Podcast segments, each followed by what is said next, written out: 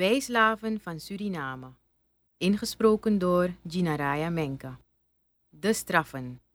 Honger is een scherp zwaard, zegt een Hollands spreekwoord.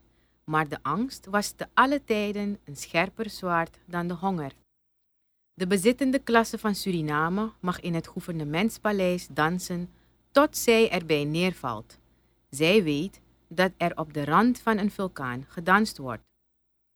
Zij weet de verbittering in die zwarte menigte buiten de vensters, ook al verstaat zij de taal niet die in de hutten der slaven wordt gesproken. Zij weet dat de kruik soms onverwachts breekt, die reeds zoveel malen te water werd gelaten, dat slaven soms plotseling in opstand komen tegen hun blanke meesters. Zij weet dat er een onverzoenlijk leger van marons in de bossen leeft, die met geen belofte gekocht en met geen geweld onderdrukt kunnen worden. De angst van een algemene slavenopstand, de angst ook voor hun eigen geweten, voor de erkenning van het onlogenbare feit dat ook de onderdrukte een mens is, leeft in de harten der onderdrukkers. Hij vergiftigt hun stille ogenblikken, hij doet hen naar de kroes en naar het verkeerbord grijpen. Hij heeft hun hele denken doortrokken en doet hen de gedachten op steeds strenger en steeds breder straffen richten.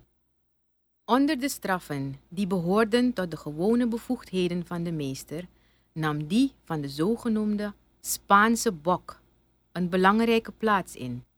Bij deze straf werden de slaaf de beide handen tezamen gebonden, dan wrong men de knieën erdoor en stak vervolgens een stok tussen de saamgebonden handen en opgetrokken knieën. Deze stok werd stevig in de grond bevestigd en daarna begon de gezeling met een bundel tamarinderoeden, een zeer hard en knoestig hout. Was de slaaf op de bovenliggende zijde doorgeslagen, zodat het vlees geheel rauw was, dan werd hij omgekeerd om vervolgens de andere zijde in dezelfde toestand te brengen. Ook vrouwen en kinderen werden volgens deze methode gegezeld. Soms gebruikte men voor deze gezeling ook ijzeren staven, maar daar deze straf veelal de dood en dus schade voor de eigenaar ten gevolge had, maakte men hiervan geen gewoonte. Om de blanken in de stad de onaangename karwei van een dergelijke tuchting te besparen, kon men in Paramaribo de slaaf overleveren aan de cipier van het fort Zeelandia, die zich met zijn handlanger speciaal in dit vak getraind had en tegen een behoorlijke fooi zich gaarne wat extra moeite getroostte. Op verzoek van de meester werd deze straf der Spaanse bok publiek toegediend op de hoeken van door hem aan te wijzen straten. Zo sprak men dan van vierhoekse of zevenhoekse Spaanse bokken. De plantagehouders verder van de hoofdstad, die niet als hun gelukkiger stadsgenoten in staat waren van de cipiersdiensten gebruik te maken, behoefden daarom het nuttige bastoneren niet achterwege te laten. Zij waren wettelijk gemachtigd tot het toedienen van tachtig zweepslagen, welke behoorden tot de zogeheten ordinaire plantagestraffen. Doch, wij citeren gouverneur Crommelin, er was niet bij gespecifieerd of die slagen los dan wel opgebonden mochten geappliceerd worden. En het is nochtans wel bekend dat de slaven opgebonden en uitgerekt zijnde wel met veel minder slagen worden doodgeslagen.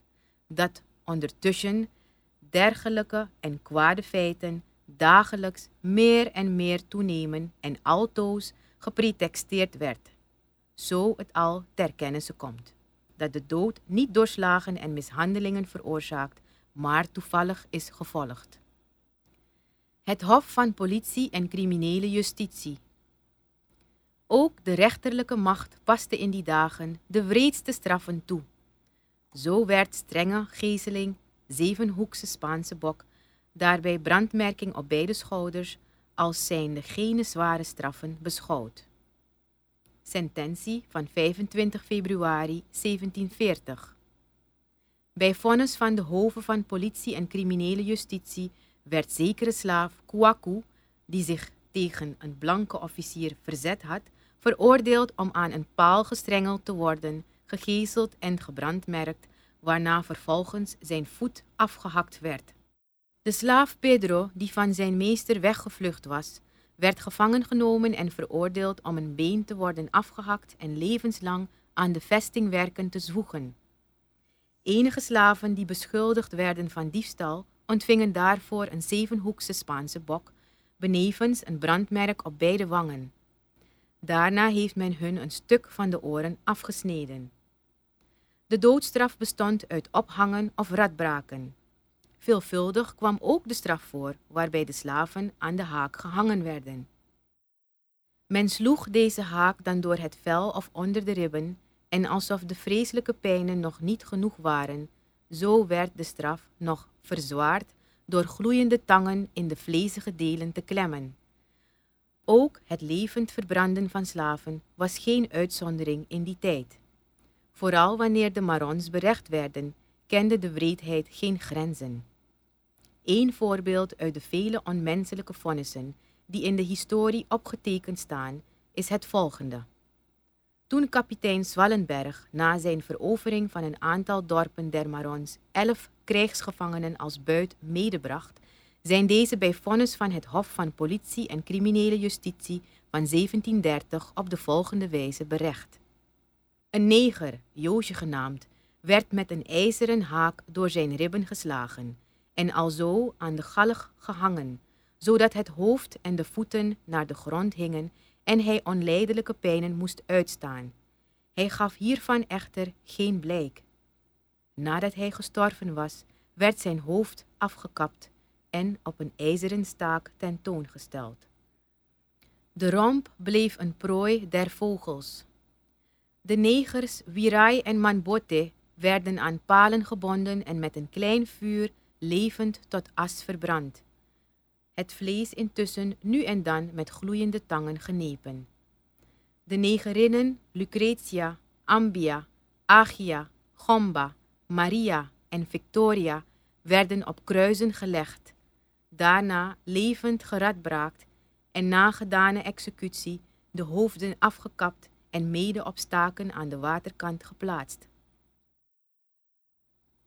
De negerinnen Diana en Christina werden eenvoudig de hoofden met een bijl afgeslagen en die hoofden mede tentoongesteld. Wij willen nog enkele voorbeelden van rechtspleging vermelden, welke een fel licht werpen op de rechtvaardigheid der toenmalige koloniale justitie.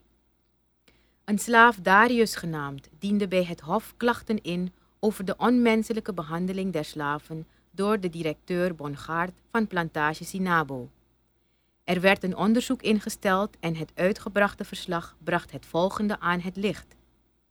De planter had een slaaf die beschuldigd werd van met vergif te hebben omgegaan opgebonden laten gezelen.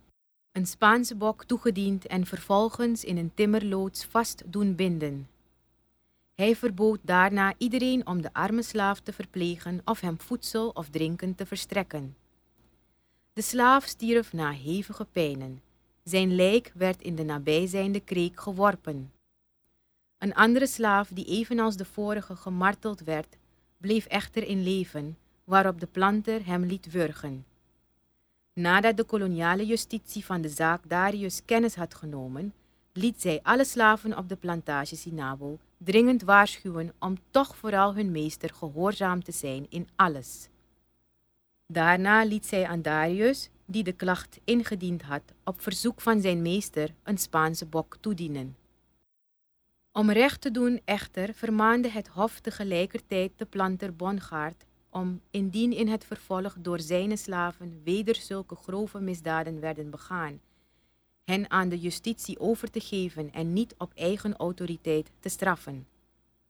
Klaas Badou, directeur van de plantage La Rencontre, beschuldigde zijn slaaf Piero ten onrechte een poging gedaan te hebben hem te vergiftigen.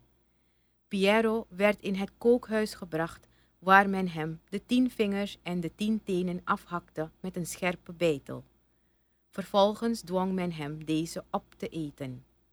Badou nam daarop zelf een mes en sneed een oor van de slaaf af, dat hij eveneens op moest eten.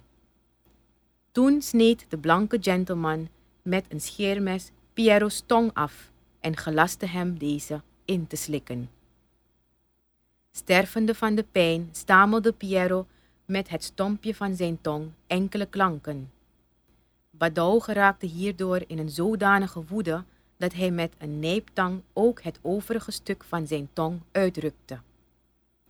Men bracht Piero vervolgens naar de kade van de rivier, bond hem aan een oude tentboot vast en poogde hem levend te verbranden door droge kantras in brand te steken.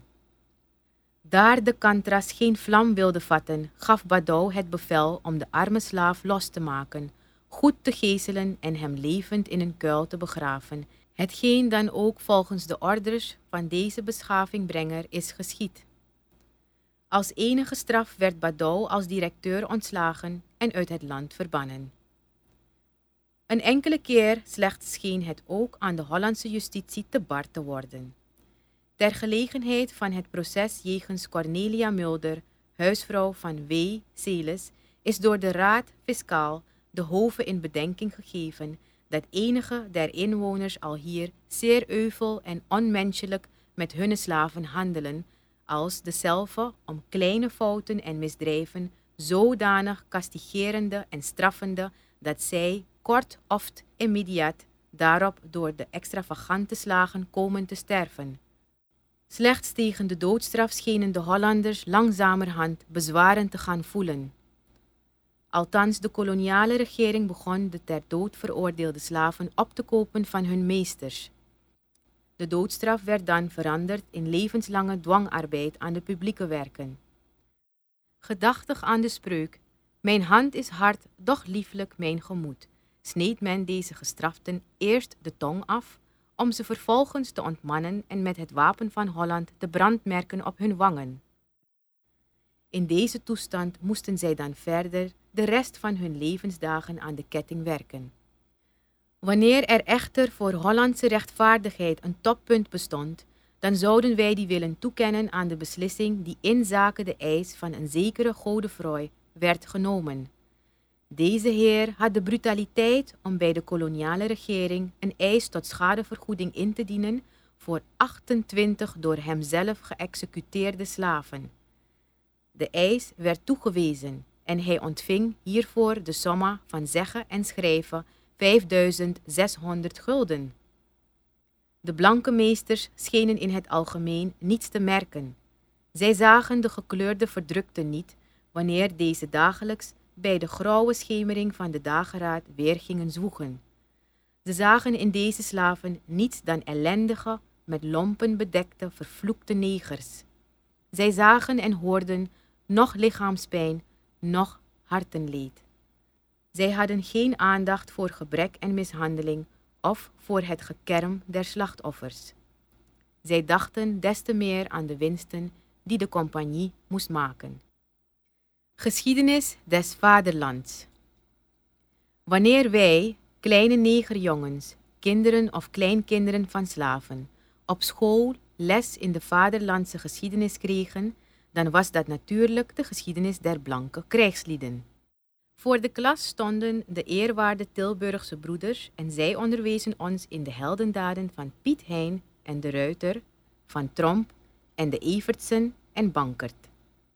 Wij, zwarte kinderen op de achterste banken, de voorsten waren bestemd voor zoons en dochters van Europeanen, martelden onze hoofden om er de jaartallen van Hollandse, Beierse en Bourgondische gravenhuizen in te pompen. Wij die met de stok gestraft werden wanneer wij het waagden binnen de schoolmuren onze eigen Surinaamse taal te spreken, moesten in geestdrift raken voor de opstandigheid van Claudius Civilis en de dappere verlatingen van Willem de Zwijger. Wij die de namen van de opstandelingen Bonnie, Baron en Jolie Coueur te vergeefs in onze geschiedenisboekjes zochten, beijverden ons om vlug en nauwgezet voor het examen de namen en jaartallen op te dreunen der Nederlandse gouverneurs, onder wier bewind men onze vaders als slaven ingevoerd heeft. En het systeem werkte.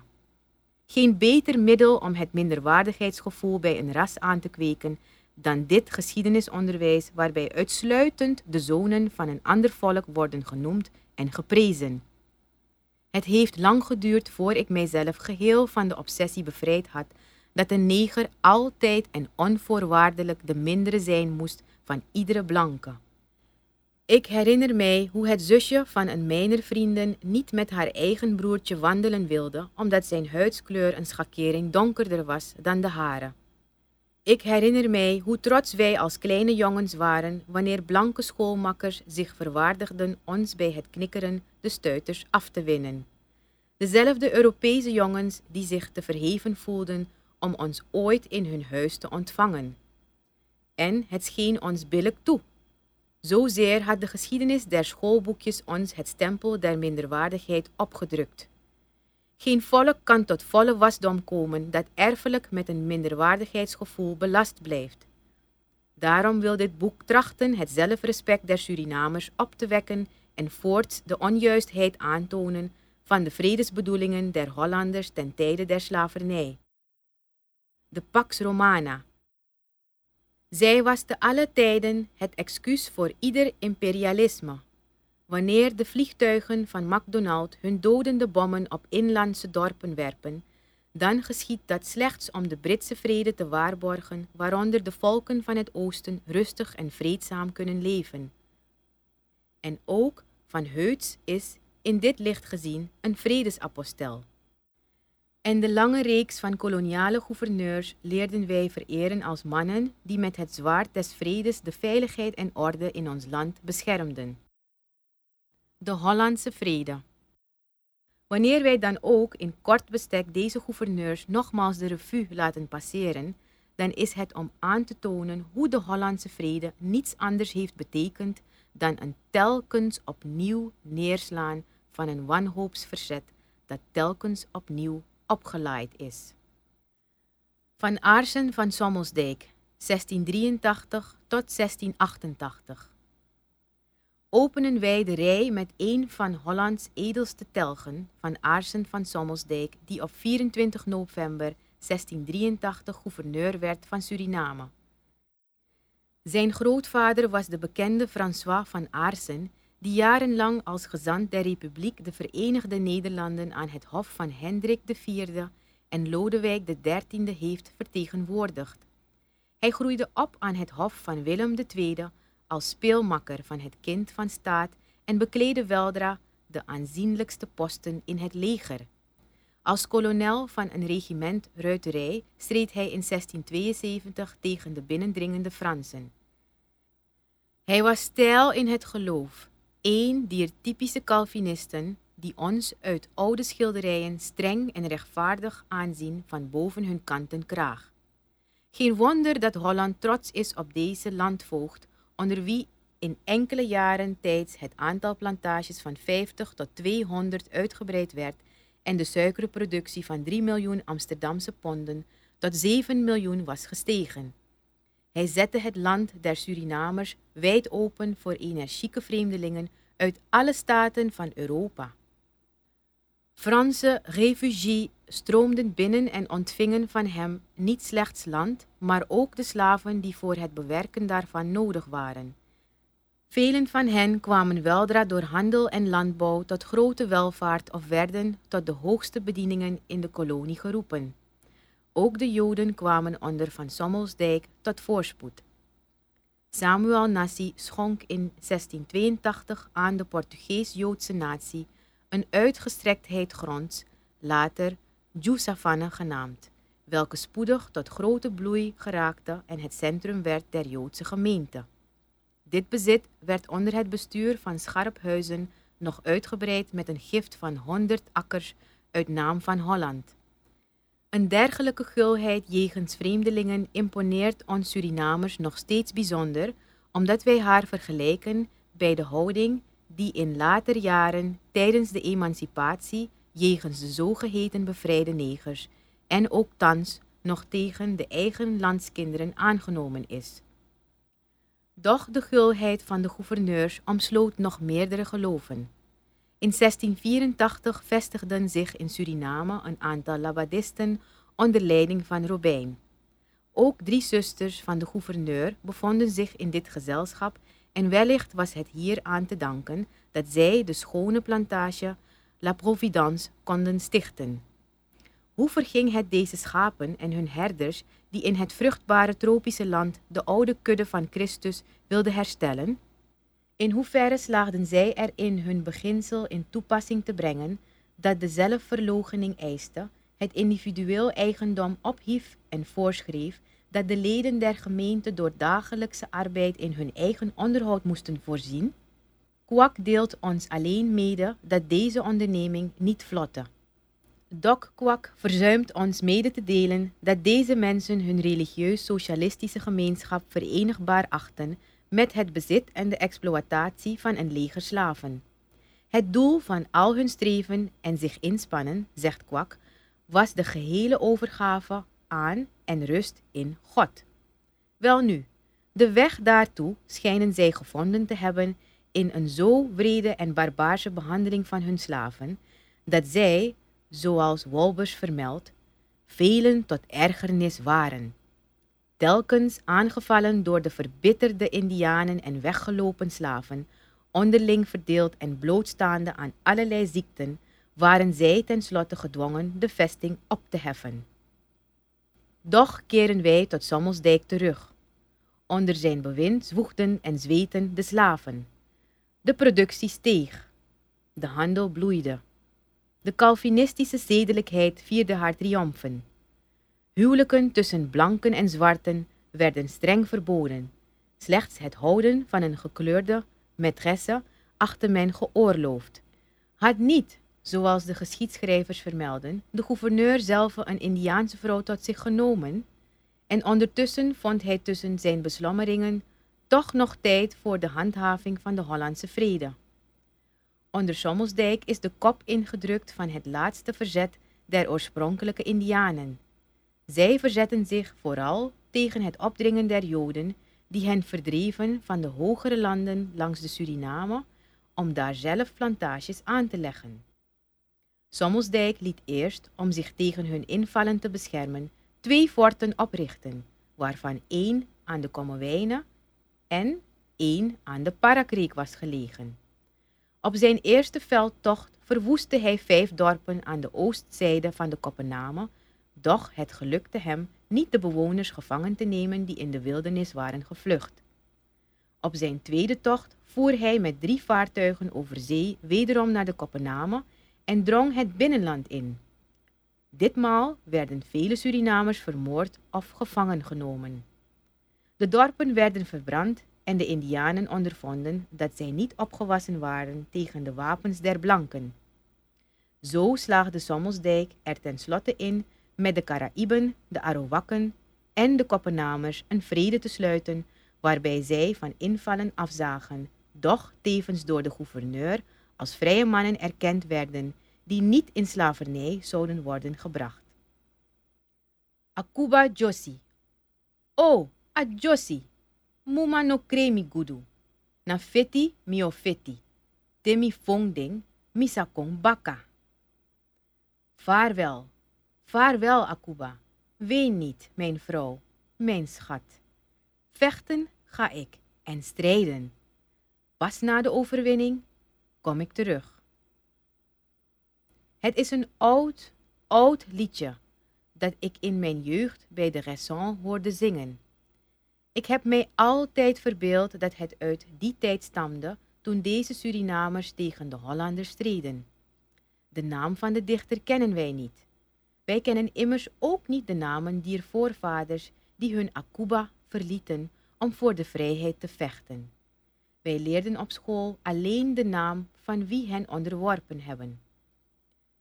Op verzoek van Van Sommelsdijk werd in 1684 door de Staten van Holland besloten om in overleg met de geoctrooieerde sociëteit veroordeelde misdadigers, zogeheten rasphuisboeven, naar Suriname te verbannen. Ze zouden daar voor het lichte werk gebruikt worden, omdat tenslotte toch ook een rasphuisboef natuurlijk verre verheven blijft boven de negerslaven voor wie het zware werk weggelegd bleef. Het experiment om van Suriname een Nederlands Cayenne te maken is voor de gouverneur noodlottig geworden. Spoedig ontstond onder de voormalige boeven een geest van muiterij. Toen de gouverneur op 19 juli 1688 met de commandeur Verboom een wandeling langs de Oranjelaan maakte, werd hij plotseling staande gehouden door elf met geweren gewapende muiters. Van Sommelsdijk trok dadelijk zijn zwaard, doch toen hij zijn arm ophief ontbrandden de geweren. De gouverneur was op slag dood. Verboom, die door verschillende kogels getroffen werd, overleed enige dagen later. Drie der rebellen werden geradbraakt, acht opgehangen en de rest naar Holland teruggezonden. De zoon van Van Sommelsdijk bedankte voor de opvolging en de weduwe droeg haar aandeel in de heerschappij aan de stad Amsterdam over voor een bedrag van 700.000 gulden. In het begin van 1689 nam Jan van Scharphuizen het bestuur over. Onder zijn bewind werd een aanval der Fransen met een vloot van negen schepen onder Ducasse door de Hollanders afgeslagen. Hij werd in 1696 opgevolgd door meester P. van der Veen. Gedurende zijn bestuursperiode, die tot 1707 duurde, konden de blanken ongestoord hun rijkdom vermeerderen. Streng gold de wet dat de slaaf als persoonlijk eigendom en roerend goed zal geacht, geoordeeld en toegewezen worden. Onder de Surinamers ontstond het spreekwoord Kakalaka no ap leti na foru mofo. De kakkerlak kan zijn rechten niet doen gelden in de bek van een vogel. Het gespuis.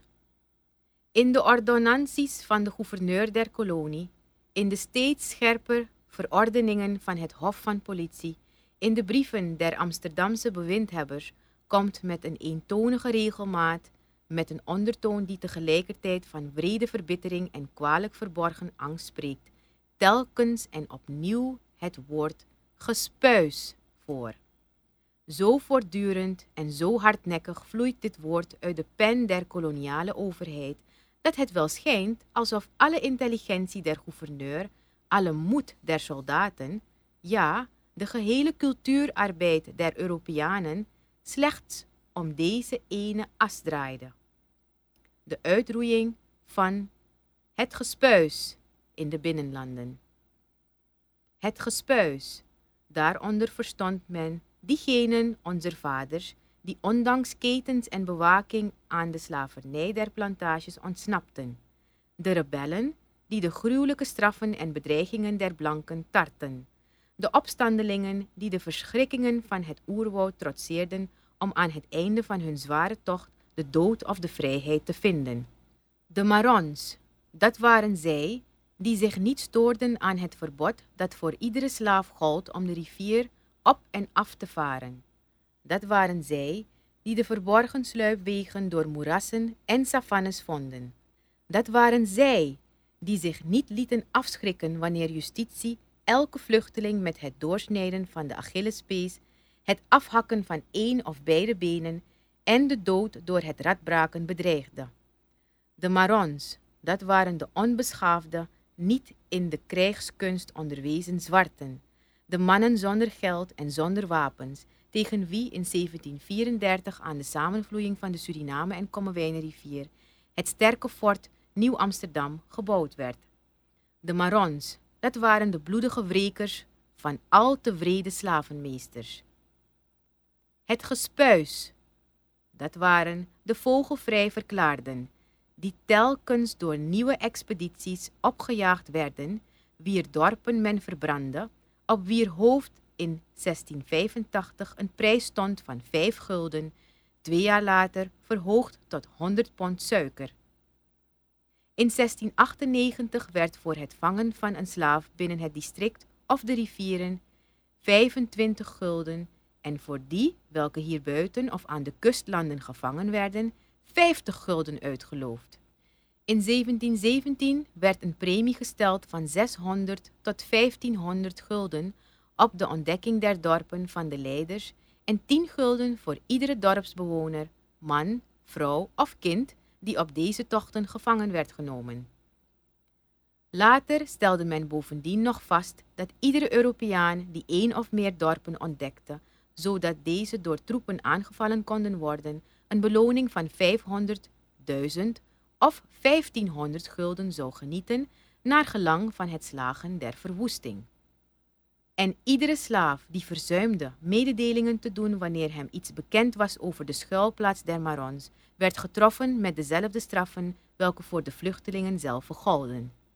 Zo gevreesd, zo gehaat, zo vervolgd waren deze bosnegers, wier aantal desondanks hard groeide.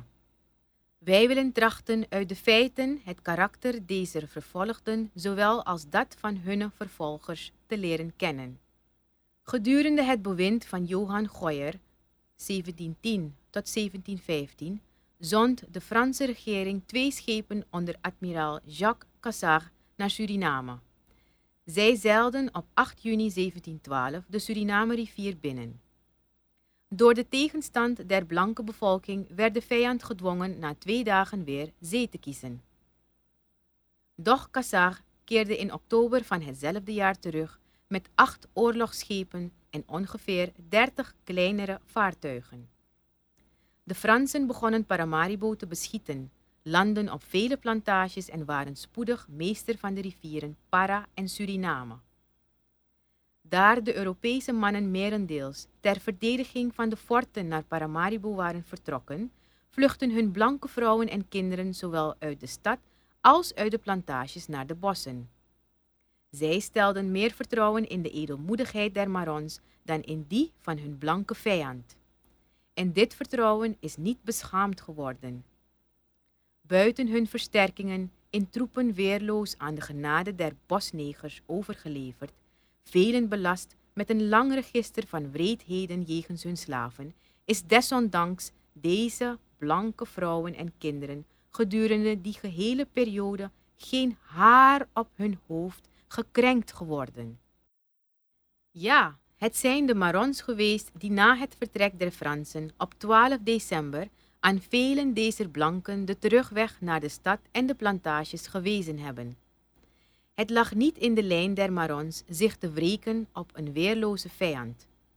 Mogen wij dan wellicht naar aanleiding van deze dagen ook voor onze zwarte voorvaders het veel misbruikte woordje beschaving opeisen? En nu de keerzijde van de medaille.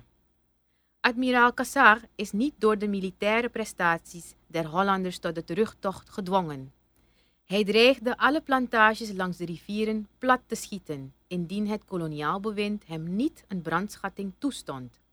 Het bestuur voldeed aan deze eis en betaalde aan Cassar een schatting van drie kwart miljoen gulden in de vorm van wissels, suiker, goud, zilver en slaven, indianen en negers.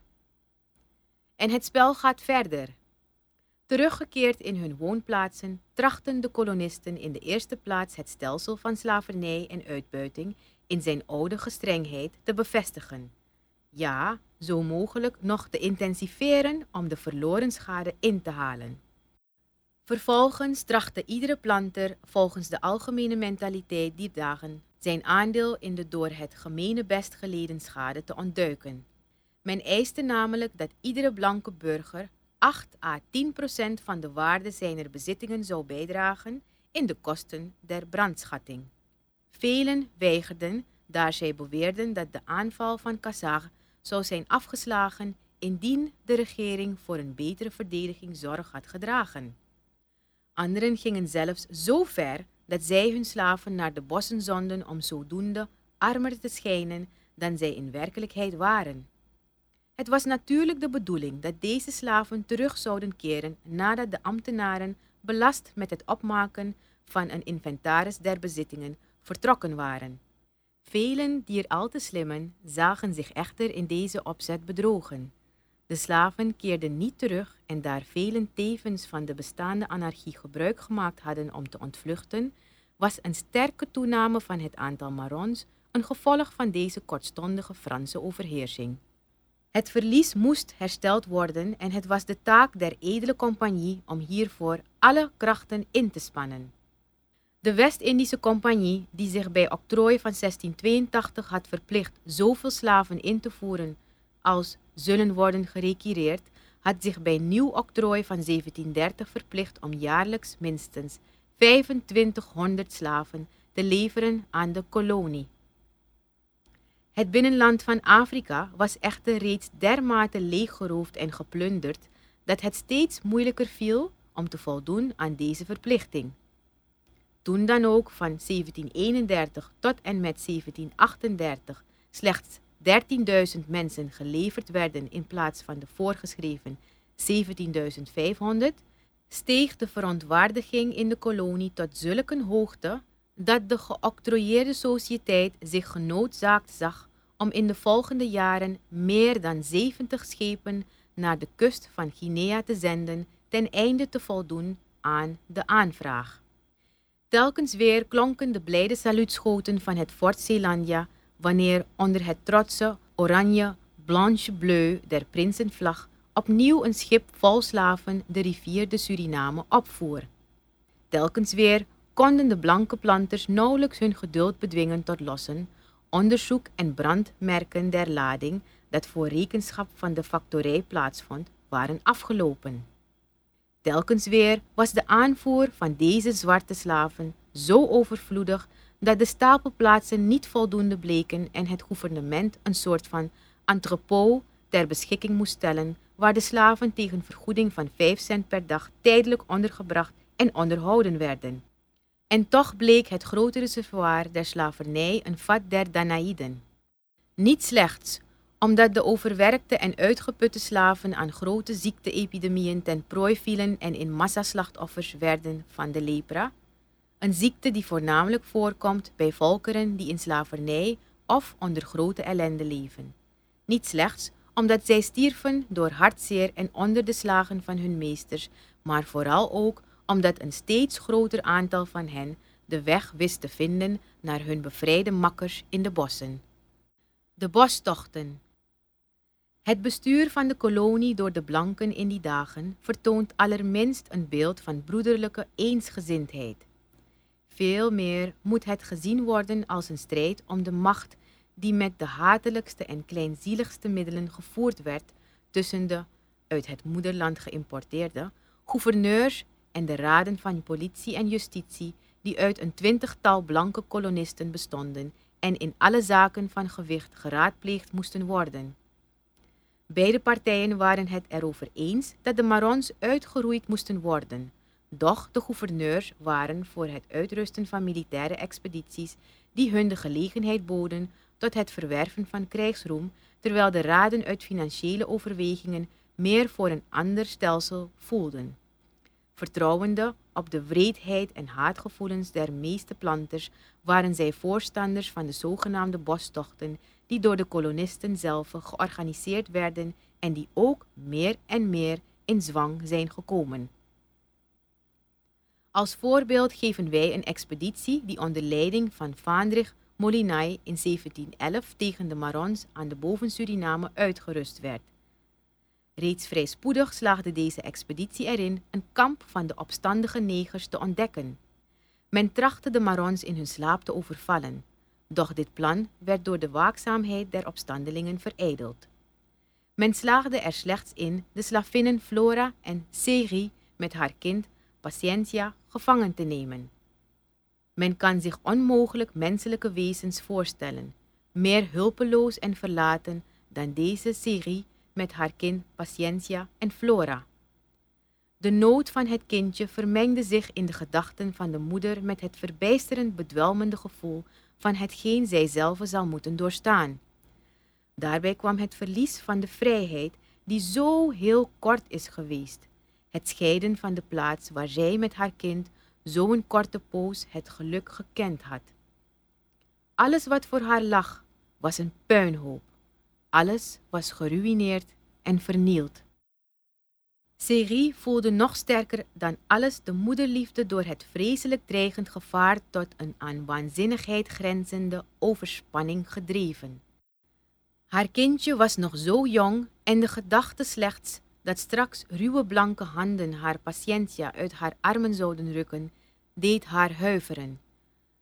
Zij drukte het terwijl zij met angstige blikken naar de troep blanke soldaten keek met stuipachtige kracht aan haar borst. Iedere stap die de blanke aanvoerder Moliné nader tot haar bracht, deed haar beven. Zij trilde als een blaadje, Het bloed dreef naar haar hart terug. En toch was Sigrid een dapper vrouwtje. Zij drukte de zachte armpjes van het kind om haar hals en kuste het nogmaals, terwijl men de kleine patiëntja ruw uit haar armen losrukte. Geen gil kwam van haar lippen. Ze keek slechts met fonkelende ogen de vaandrig Moliné aan, stond vervolgens op en monsterde de blanke soldaten vier, zonder de minste vrees hen allen uitdagend. Zij was zelf verbaasd over de kracht die haar scheen gegeven te worden, want ze wist wel, nu haar kind in de handen der soldaten was, dat geen mens zich erover zou ontfermen. En toch, trots dit alles, was ze onbevreesd. Elke vlaag van angst scheen door een macht verdreven te worden. De zwakke vrouw was een heldin geworden. Het was of stromen van kracht door haar lichaam liepen. Na een poos greep de bende ruwe soldaten Seri vast, bond haar de handen en voeten, smeet de arme vrouw op de grond en begon haar te geeselen met scherpe roeden om hierdoor te trachten haar tot verraad van haar lotgenoten te brengen. Na deze bloedige kastijding scheen Seri half dood te zijn. Toch trachtte men haar in deze toestand te ondervragen, maar het gelukte de blanken niet iets uit haar te krijgen. Zo ging men in woede ertoe over om de arme Seri met vuur en tangen te bewerken. In weerwil van al deze pijnigingen, die voor een vrouw haast onverdraaglijk waren, bleef ze zich toch halstarrig verzetten om haar broeders en zusters te verraden. Haar vriendin Flora toonde zich niet minder standvastig. Seri moest het aanzien hoe zij voor haar ogen vermoord en onthalst werd. Het rapport luidt woordelijk. Wij zijn getreden tot het examineren der gevangene negerin Flora om, was het doenlijk, daardoor te ontdekken of die negers ook enige andere schuilplaats, correspondentie met weggelopen negers of de negers van enige plantaatje hadden, als mede haar getal, wie haar meesters, hoe lang zij weg waren geweest, en de verders geïnformeerd te werden van de gansje geschapenheid der zaken en haar manier van leven, docht hebben, niet tegenstaande alle tormenten met vuur en slagen, nooit dezelfde daartoe konnen krijgen, blijvende dezelfde niet tegenstaande dit alles even halstarrig en met het wijzen naar den hemel, vatten van een lange lok haar op haar hoofd, slaan met de vingers op haar mond en wrijven op haar keel, als te kennen gevende dat zij liever hadden dat men haar het hoofd afsloeg, als dat zij, het zij met spreken of te wijzen, van de weg enige openingen van zaken zouden geven. Waarop ziende de halstarrigheid van dezelfde flora, wij resolveren dezelfde aan Paramaribo te brengen. Doch konden dezelfde niet bewegen, wat moeite wij ook deden om ze te doen gaan of te zelfs op haar voeten te doen staan. Zulks nadat hiermede een goede tijd versleten hadden en de niet in staat zijnde om haar mede te nemen. Terwijl geconsidereerd de bergen, krekuwen en andere ongemakken van de weg wij niet in staat waren om haar te doen dragen. Al zijnde het laatste en enigste middel dat in geval dezelfde wilden medebrengen, zouden hebben kunnen gebruiken, genecessiteerd zijn geworden, haar te doen doodschieten en het hoofd doen afhouden. Gelijk dan ook aanstonds is geschied. Ofwel de negerin serie genoegzaam genegen was mee te gaan. Zo was het evenwel zulks dat vermits de zware ketsuur, zijnde met een pijl door en door geschoten en het groot verlies van bloed geen apparentie van genezing zijnde. Zulks gans onmogelijk was, zo was, dat wij nogmaals genoodzaakt zijn geweest dezelfde mede het hoofd te doen afslaan en die twee hoofden mede te brengen. Gelijk dan ook is geschied. Toen in der tijd, tijdens de inval van Kassar, de weerloze blanke vrouwen in handen waren van zogenaamde onbeschaafde bosnegers, toen hadden zij niets van deze zwarten te duchten. Maar nu vielen weerloze Surinaamse vrouwen in handen van zogenaamde beschaafde Hollanders, die hen vermoorden. Dappere Serie, dappere Flora, wij zullen uw namen steeds in eerbied gedenken. 1712 tot 1742 Gouverneurs gingen naar en kwamen van Suriname, maar de slavernij bleef. De kolonie nam in deze jaren snel in bloei toe. Het aantal plantages steeg tot ruim 400. Voor het grootste deel werd suiker verbouwd, maar daarnaast begon men zich ook op andere cultures toe te leggen, zoals op het verbouwen van koffie, katoen en tabak. In 1724 werd de eerste koffie, in 1735 de eerste katoen in Amsterdam geveild. In deze periode ontwikkelde zich ook de import van slaven tot een groot bedrijf zoals wij reeds beschreven hebben. Een groot aantal slavenschandalen viel in deze tijd voor. Hoe wreder de meesters echter optraden, des te groter werd het aantal slaven dat de gevaarlijke vlucht naar de bossen verkoos boven het onmenselijk zware leven op de plantages. De Marons namen hierdoor snel in aantal toe en begonnen meer en meer aanvallend op te treden, om te trachten hun zwarte broeders en zusters te bevrijden. De daden der opstandige Marons uit deze dagen herinneren ons aan de vaderlandse fabel van Anansi, de spin, die gezeten op de rug van koning Tijger zijn vijand door kleine maar giftige beten tot woedende razernij wist te drijven. De opstandelingen beperkten zich niet tot enkele overvallen, maar bouwden in de bossen hun forten, welke herhaaldelijk onneembaar bleken. Een goed georganiseerde voorpostendienst hield hen op de hoogte van de bewegingen der Europeanen. De slaven, die door de blanken op hun tochten als lastdragers werden meegevoerd, raakten bovendien bekend met de paden in de bossen en gebruikten deze wetenschap om zich bij de opstandelingen aan te sluiten. Inmiddels drongen de bewindhebbers in Holland er steeds krachtiger op aan om strenge maatregelen tegen de ontsnapte slaven te nemen. Men besloot daarop een troep van ongeveer 100 soldaten onder Zwallenberg uit te zenden. Het gelukte Zwallenberg inderdaad drie door opstandelingen bewoonde dorpen te ontdekken.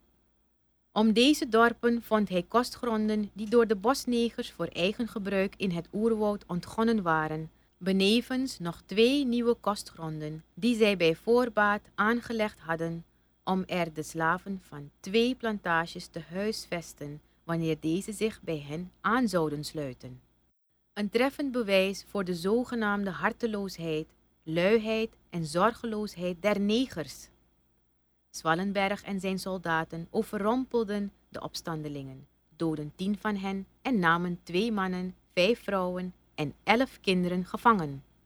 Volgens de beproefde toenmalige methoden van oorlog voeren verwoestte men de kostgronden, terwijl de huizen neergehaald en met de grond gelijk gemaakt werden. Honderden bosnegers zijn bij zulke razzia's door de blanken gevangen genomen en terechtgesteld bij vonnis van het Hof van Politie en Criminele Justitie.